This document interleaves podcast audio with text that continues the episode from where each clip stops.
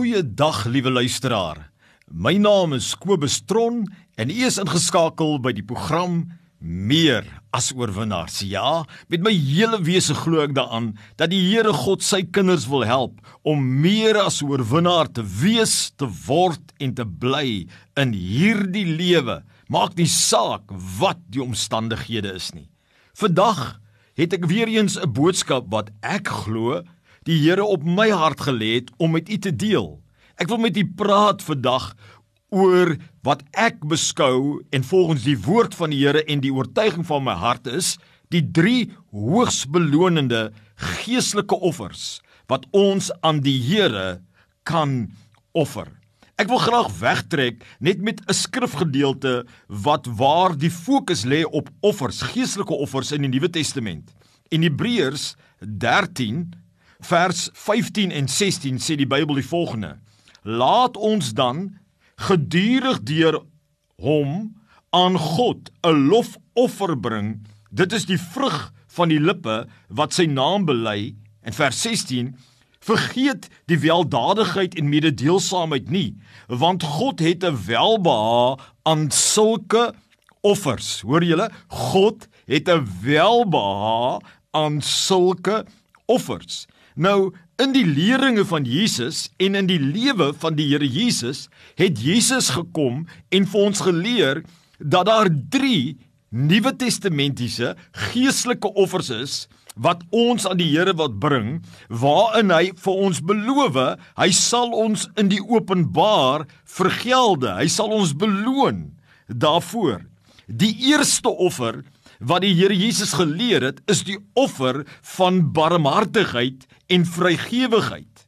Met ander woorde om aan die behoeftige mense 'n helpende hand namens die Here te wees en aan die werk van die Here 'n hand van voorsiening en barmhartigheid en vrygewigheid te wees. Kom ons lees saam in Matteus hoofstuk 6, reg, vanaf verse 3 en 4. Hy sê hier, Jesus leer: "Maar jy, as jy liefdadigheid bewys, laat jou linkerhand nie weet wat jou regterhand doen nie, sodat jou liefdadigheid in die verborgene kan wees, en jou Vader wat in die verborge sien, hy sal jou in die openbaar vergelde." Luister mooi, die woord van die Here Jesus kan nie lieg nie kan nie 'n leuen vertel nie. Dit is die waarheid. Hy sal jou in die openbaar vergelde. Die Engels sê he will reward you openly.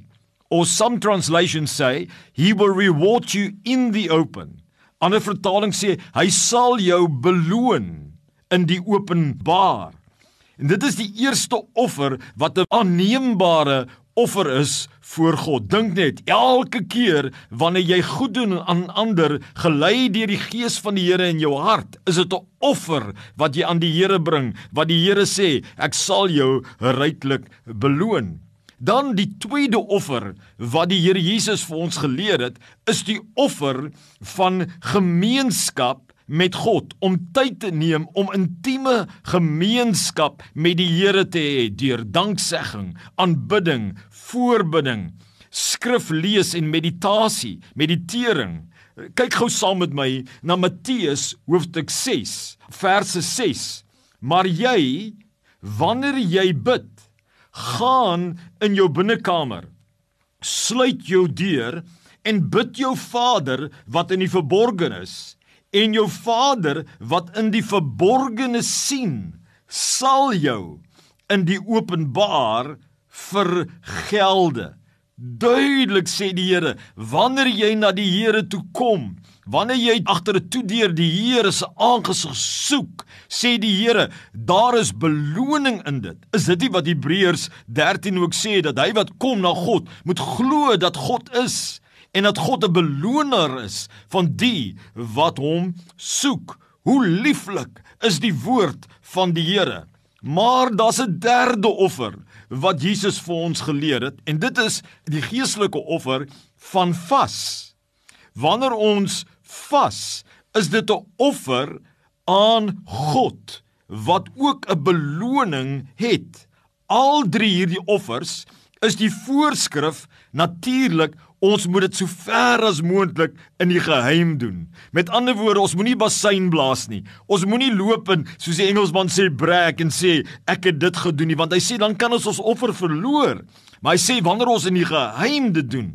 Maar kom ons lees gou saam Matteus 6 vers 17 en 18. Maar jy as jy vas, salf jou hoof en was jou gesig sodat jy nie die mense laat sien dat jy vas nie, maar jou Vader wat in die verborgene is en jou Vader wat in die verborgene sien, sal jou in die openbaar vergelde.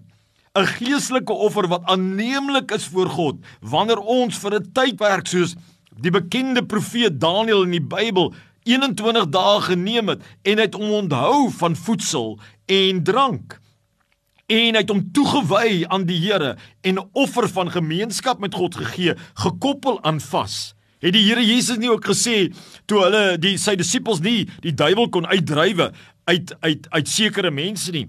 Toe Jesus gesê sekere van hierdie dinge kom net uit met gebed en vas. En die Here wil jou vandag, ek glo, bemoedig en aanmoedig om in die geheim so te sê offers van barmhartigheid en vergewigheid te doen, offers van gemeenskap met God te doen, offers van vas te doen. En ek wil vir jou sê, hierdie is belonende offers.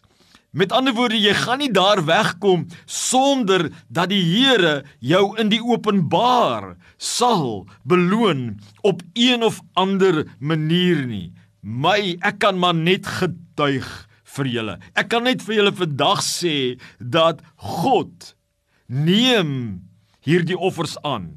En ek kan net getuig dat God oop in ons vir my in my eie lewe herhaaldelik in my lewe al beloon het vir hierdie tipe offers wat ons bring aan die Here. Die Here se woord sal nie ledig na hom toe terugkeer nie. Die Here is nie 'n leenaar nie. Hy is nie 'n mens dat hy kan lieg nie. Die Here sê ja, is sy ja en sy nee is sy nee en die Here sê vir jou en die Here nooi jou en sê kom, bring hierdie offers aan jou Skepper, jou Vormeerder en ek God in die hemel sal jou beloon op verskillende maniere. Ek noem dit pleasant surprises waar die Here kom en jy weet dat jy weet dat jy weet omdat jy daar 'n offer van barmhartigheid gegee het, het die Here jou hier beloon. En omdat jy daar 'n offer van gemeenskap aan God gegee het, het die Here jou hier beloon. En omdat jy daar 'n offer van vas gegee het, het die Here jou God jou beloon. God is 'n belonaar van die wat hom dien. Mag die Here jou ryklik seën, my broer, my suster, en mag jy tot in lengte van dae offers aan die Here bring wat aanneemlik vir hom is en wat jou dan ryklik beloon. God seën. Amen.